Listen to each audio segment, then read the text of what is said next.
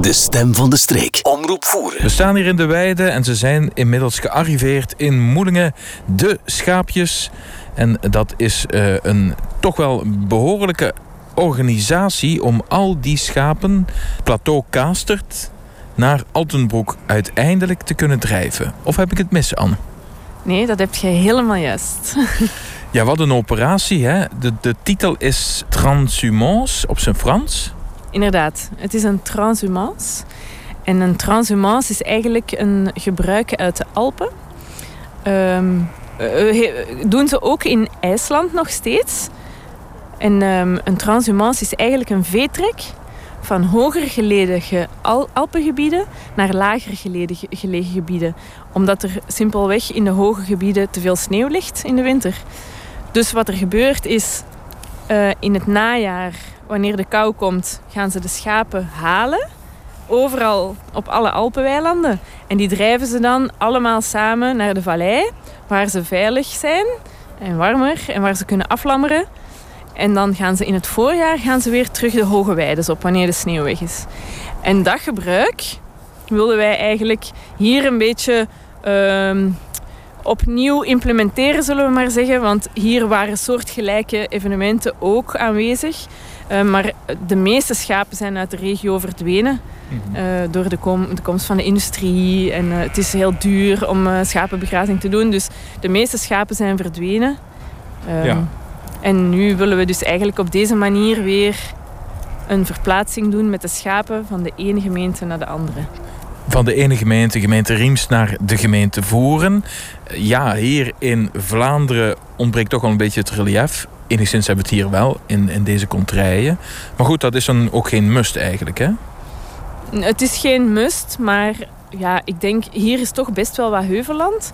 En dat is ook de reden trouwens waarom die schapen hier zoveel natuurbegrazing doen. Omdat zij grazen vaak op hellingen waar machines niet meer kunnen komen. Dus dan zou je nog wel een mens met een bosmaaier kunnen gebruiken, maar dat is zoveel oppervlakte, die krijgen dat helemaal niet klaar. Dus die schapen zijn heel handig op steile hellingen. En die doen dus voor ons het werk waar de tractor niet kan komen. Nee, want mensen denken misschien van, ah, dat doen ze puur voor het plaatje. Dat ze die schapen daar uh, uh, op de hoger gelegen weides uh, uitzetten. Maar het heeft daadwerkelijk een functie, hè? Zeker, zeker. Het is zeer zeker niet voor het plaatje eigenlijk. Dat is een mooie bijkomstigheid. Um, toeristen vinden dat ook wel leuk en wandelaars en zo vinden dat allemaal heel leuk. En um, wij vinden dat natuurlijk ook leuk. Dat dat, het is fotogeniek, een schaap, het is vriendelijk, het, ziet er schattig uit. Ja, ja. Um, dus het trekt zeker mensen en dat helpt ook uh, om het voor ons betaalbaar te houden. Hè? Want ja, wat ondersteund wordt door de gemeenschap, kunt je het voortzetten. Um, maar het belangrijkste um, waarvoor wij die schapen daar laten grazen, is voor het ecologische aspect. Ja.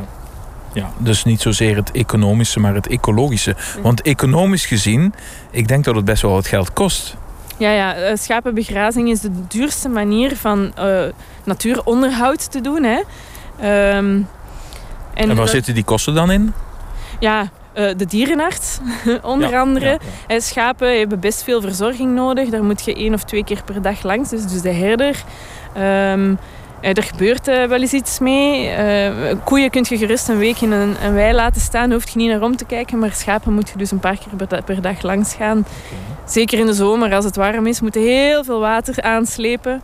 In de winter veel minder, maar dan zijn er weer andere dingen uh, die spelen. Um, dus ja, het, uh, dieren houden kost gewoon geld. Dat kost gewoon geld, hè? Zeg, en de wolf, speelt dat ook al parten? Um, op het plateau van Kaastert hebben we daar vooralsnog geen last van. Okay. Dat is een soort eiland hè, ja. uh, tussen de Maas en het Albertkanaal. Dus um, bij mijn weten, maar dat durf ik niet met zekerheid zeggen, is de wolf daar nog niet geweest. Nee. Um, simpelweg omdat we dus door water afgescheiden zijn en dan zou die over de brug moeten komen. En dat zal ooit een moment komen dat die zal komen. Um, maar goed, uh, Voeren ligt dicht tegen de Ardennen, dus uh, volgens mij is hij hier al wel gespot. Ja. En in principe is de wolf ook geen probleem. Alleen wij vinden dat een probleem. Uh, we zien hier heel wat schapen. Hoeveel zijn het er ongeveer? Ongeveer 300. Behoren ze? Ja. 300 schaapjes. Ze zijn vrij rustig. Maar dat heeft er ook mee te maken, dus net als bij de mensen. Als er iets te eten valt, dan is het stil. Precies, er is iets te eten en ze zijn natuurlijk moe, hè, want ze hebben juist 14 kilometer gewandeld. Heel veel eh, indrukken opgedaan en zo onderweg. Dus ze zijn, eh, ze zijn blij dat ze nu rustig op een weidje staan. Hè. Staat er hier een aan mijn been Ja, te knuffelen. ja, ja. Die wil ja, die wilt geaaid worden. Hè. Die komt echt een beetje steun zoeken. Die komt steun zoeken. Wat, wat, wat is het eigenlijk voor ras? Of zijn het meerdere rassen? Ehm, het is eigenlijk de Mergelandkudde. Eh, hier en daar zit er een beetje een bastaardje tussen. Ehm, zoals daar ziet je eentje met horen staan. Hè? Dat is een Drents heideschaap. Ah ja. Ja, ja. dus die is, is geen Mergelander. Maar dus het doel is wel om een zuiver, zuivere Mergelandkudde te krijgen. Eh, en zoals degene die hier staat te knuffelen, is echt een hele zuivere Mergelander. Dus echt een inheems ras is dit. Ja, dat is echt, echt een, eh, dat is levend, een levend erfgoedras. Ja, ja. En die En- beginnen nu een beetje er terug bovenop te komen. Ja, want is in het verleden die populatie erg gekrompen? Ja, er waren er op een gegeven moment nog maar heel weinig. Ehm, ja, het, het Mergelandschaap en het Drents heideschaap en het Kempisch heideschaap zit allemaal een beetje in de familie. Dat zijn eh, heideschapen die gewend zijn om hard te werken en om met weinig voedsel toe te komen. Mhm. Ehm, maar de Mergelanders zijn dan onder de heideschapen wel weer de, de moeilijkste om, om gezond te houden, laat ik het zo zeggen. Ja. Eh, het was dus de eerste keer. Hoe is het nu bevallen? Want het weer ja, zit niet helemaal mee. Hè? Ja, nee, inderdaad, ja. ja. Ik vond het echt fantastisch. Ik was heel blij dat er zo best veel mensen meegelopen hebben. Eh, van begin tot einde nu in ieder geval toch al. Hè. Eh, morgen gaan we nog een dag lopen. Dat is een korter stuk. Maar nu gaan we eerst eh, rusten en eh barbecuen, vuur maken, biertje Ja. drinken. Ja. Maar goed, tot nu toe ja, eh, ben ik heel tevreden hoe het gegaan is. Volgens mij zijn er bij de schapen heel weinig gewonden gevallen. Hier en daar is hier een klein ongelukje gebeurd, geloof ik. Eh, alle mensen zijn veilig aangekomen. Dat is ook, ook belangrijk. ja, hè? er zijn geen eh, auto-ongelukken gebeurd. Nee. Eh, ja, en jullie hebben begeleiding gehad van de politie. Ja. Eh, ook er toch heel veel rugbaarheid aan gegeven. ja. Ik denk ook met opzet. ja, inderdaad. Om de mensen te laten zien van kijk, die schapen die zijn noodzakelijk. Ja. En die moeten van de hoger gelegen weiden naar lager gelegen lege weiden. Of gaan ze daar op stal? In Altenbroek. Nee. Ehm, misschien dat we dat in de toekomst, dat is wel eigenlijk in de toekomst iets wat we- wat we zouden willen. Ja. Ehm, hoeft niet per se Altenbroek te zijn, maar ehm, het zou fijn zijn als we inderdaad echt de wandeling zouden kunnen doen van zomerweides naar winterweides en stalling. Hmm. Ze gaan eigenlijk niet op stal, alleen maar als ze gaan aflammeren. Ehm, en dat is puur praktisch, omdat we ze dan allemaal bij elkaar hebben en kunnen zien wanneer er iets niet goed gaat.